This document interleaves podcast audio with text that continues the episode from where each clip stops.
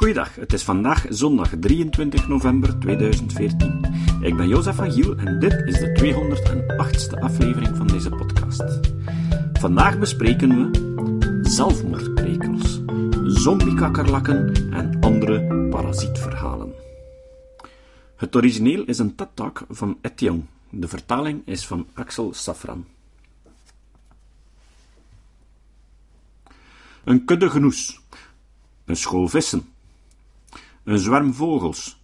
Veel dieren vormen grote groepen die tot de mooiste spektakels in de natuur behoren. Maar waarom vormen deze groepen zich? Vaak luidt het antwoord: groepen zijn veiliger. Ze jagen met de groep, of ze verzamelen zich om te paren.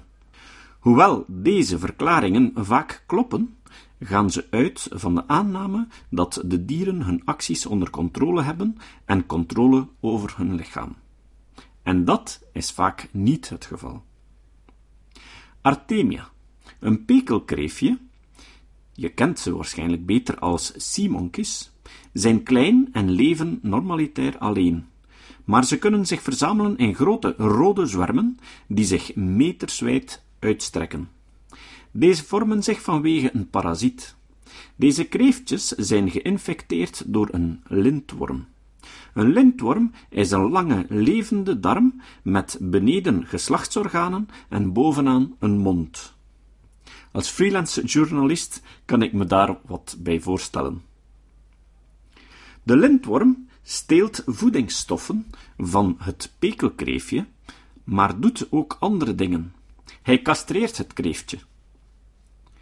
Hij verandert hun kleur van transparant naar bloedrood en hij laat ze langer leven. En zoals bioloog Nicolas Rode heeft ontdekt, hij zorgt ervoor dat ze in groepen gaan zwermen. Waarom?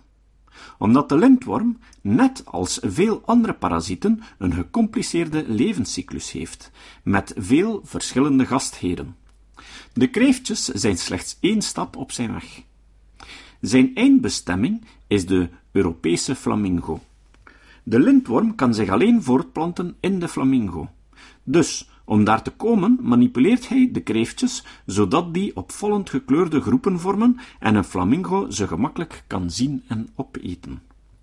Dat is het geheim achter de Artemia-zwermen. Ze zijn niet sociaal vanuit eigen wil, maar omdat ze bestuurd worden. Het is geen veiligheid in een groep, maar juist het tegenovergestelde. De lintworm kaapt hun hersenen en lichamen en verandert hen in een voertuig om zichzelf in een flamingo te krijgen. Zo zijn er ook suïcidale krekels. Zo'n krekel heeft de larven van een nematomorpha, ofwel paardenhaarworm, ingeslikt. De worm is in de krekel volwassen geworden, maar kan zich enkel in water voortplanten. Daar komt hij in terecht door eiwitten af te geven die het brein van de krekel verwarren en zijn gedrag onvoorspelbaar wordt. Wanneer de krekel in de buurt van water komt, springt hij erin, verdrinkt en wurmt de worm zich uit zijn suïcidale lijk. De lintworm en de paardenhaarworm zijn niet de enige. Ze behoren tot een hele stoet gedachtecontrolerende parasieten. Schimmels, virussen, wormen, insecten, allemaal gespecialiseerd in het ondermijnen en overwinnen van de vrije wil van hun gastheer. Ik raakte zo'n twintig jaar geleden bekend met deze levenswijze dankzij David Attenborough's Trials of Life en later door het prachtige boek Parasite Rex van Karl Zimmer. Sindsdien schrijf ik over deze wezens. Weinig biologische onderwerpen fascineren me meer, alsof de parasieten mijn brein hebben overgenomen. Ze zijn tenslotte onweerstaanbaar en geweldig macaver. Over parasieten schrijf je in termen als levend opgegeten en uit zijn lichaam gebarsten. Maar het is meer dan alleen dat. Zoals elke schrijver ben ik verzot op verhalen. Parasieten nodigen ons uit verder te kijken dan voor de hand liggende verhalen. Hun wereld zit vol verhaalwendingen en onverwachte verklaringen. Waarom bijvoorbeeld begint de rups agressief te slingeren als er een ander insect in de buurt van de rups zelf komt of van de witte poppen waarover hij waakt? Beschermt hij zijn broers en zussen? Nee. Deze rups is aangevallen door een parasitaire wesp die eitjes in hem heeft gelegd. Direct uit het ei aten de jonge wespen de rups levend op, waarna ze uit zijn lichaam barsten. Zie je wat ik bedoel? Nu, de rups is niet dood. Sommige wespenlarven bleven achter en dwongen hem hun broers en zussen te beschermen die aan het volgroeien zijn in die kokons. Die rups is een headbangende zombie-lijfwacht die het nageslacht van zijn eigen moordenaar beschermt. Sommigen van jullie putten momenteel vast troost uit de gedachte dat deze wezens curiositeiten zijn, uitzonderingen. Die opvatting is begrijpelijk. Parasieten zijn immers erg klein en zitten een groot deel van de tijd in het lichaam van andere wezens. Ze zijn makkelijk over het hoofd te zien, maar dat betekent niet dat ze niet belangrijk zijn.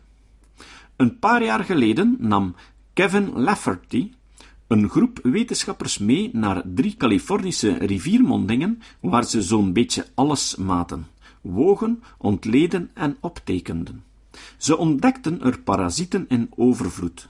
Ze vonden bijzonder veel zuigwormen, minuscule wormpjes die hun gastheer castreren. Bijvoorbeeld een ongelukkige slak. Eén enkele zuigworm is microscopisch klein, maar gezamenlijk wogen ze evenveel als alle vissen in de riviermonding en drie tot negen keer meer dan alle vogels. En herinner je je de paardenhaarworm? Die van de krekels? Wel, de Japanse wetenschapper Takuya Sato ontdekte in een bepaald stroompje dat deze parasieten zoveel krekels en sprinkhanen het water indreven, dat de verdronken insecten zo'n 60% van het dieet van de lokale forel vormden. Manipulatie is geen curiositeit. Het is een essentieel onderdeel van de wereld om ons heen. Wetenschappers vonden honderden voorbeelden van dergelijke manipulators. En wat nog spannender is, ze beginnen te begrijpen hoe deze dieren hun gastheer beheersen. De Ampulex compressa is een van mijn favoriete voorbeelden. De kakkerlakkendoder. En het is een universele waarheid dat een kakkerlakkendoder in het bezit van bevruchte eieren snakt naar een kakkerlak. Wanneer hij er een vindt, steekt hij hem met een angel die ook een tastorgaan is.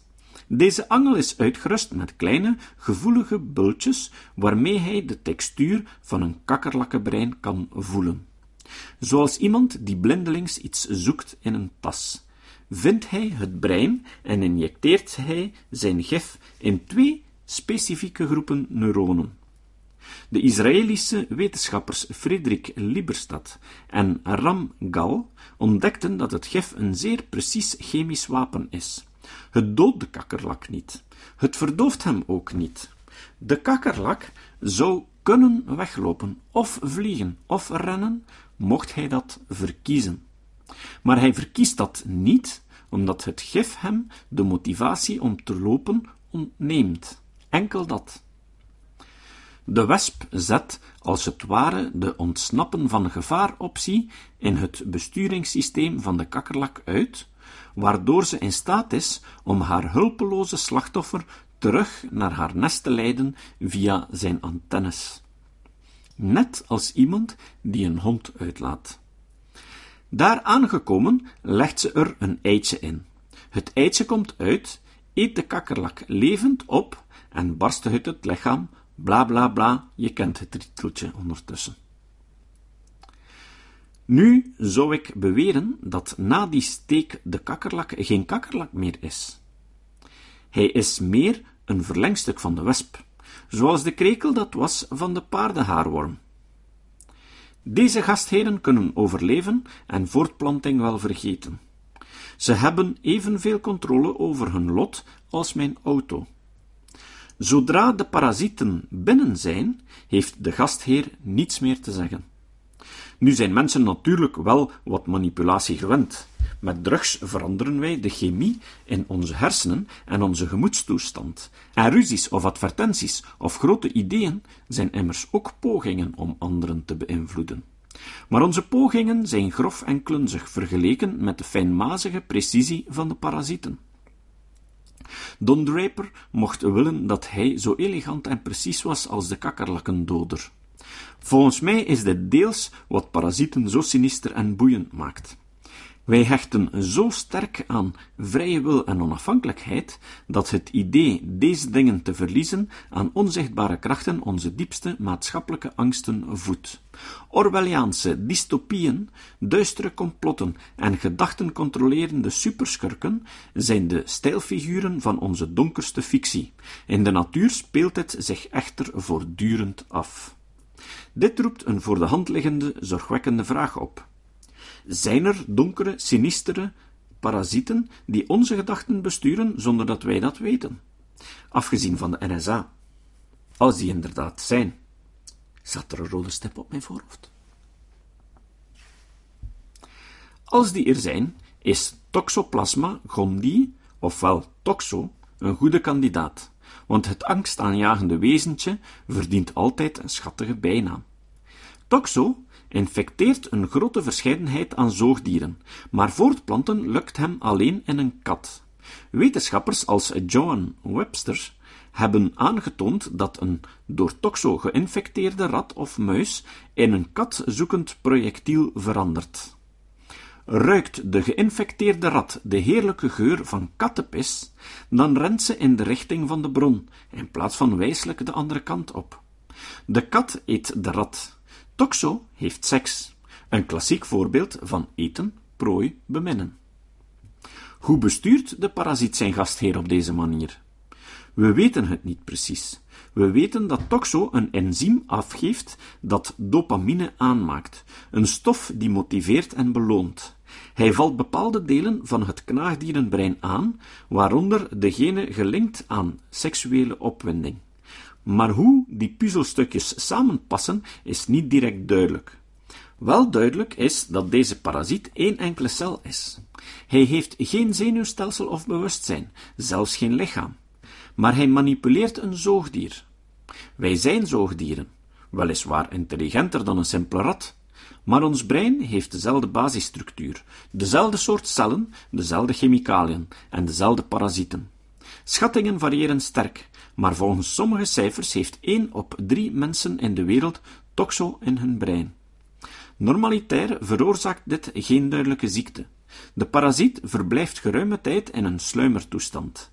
Maar er zijn ook aanwijzingen dat dragers van de parasiet lichtelijk anders scoren op persoonlijkheidstests dan andere mensen. Ze wat eerder een auto-ongeluk krijgen en er zijn ook aanwijzingen dat mensen met schizofrenie meer kans hebben geïnfecteerd te zijn. Ik vind dit bewijs nog niet overtuigend en zelfs onder toxo-onderzoekers is er oneenigheid over of de parasiet ons gedrag echt kan beïnvloeden.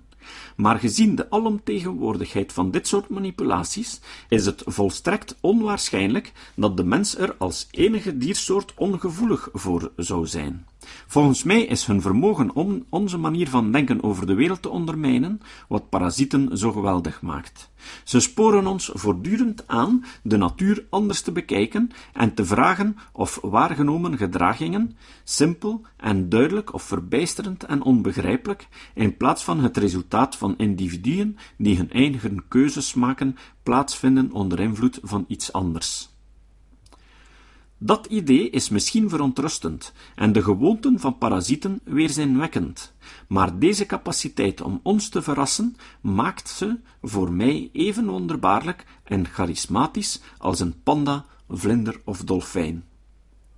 Aan het einde van de oorsprong der soorten schrijft Charles Darwin over de grandeur van het leven en de oneindige stoet mooie en wonderbaarlijke vormen en in mijn ogen kon hij gemakkelijk doelen op een lintworm die garnalen socialer maakt, of een wesp die een kakkerlak uitlaat. Maar misschien is het een parasiet die hier het woord doet.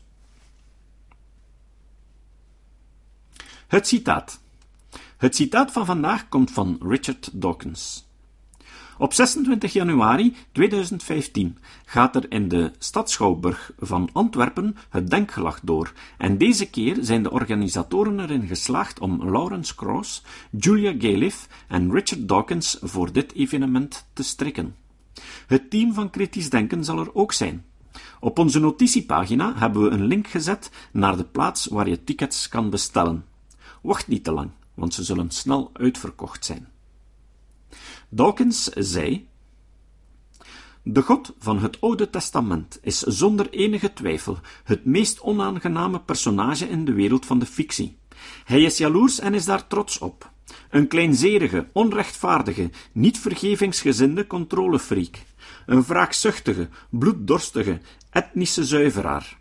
Een vrouwenhatende, homofobe, racistische, kindermoordenende, irritante, megalomaniacale, sadomasochistische, wispelturige en kwaadaardige bullebak. Tot de volgende keer. Deze podcast is het resultaat van het werk van veel mensen.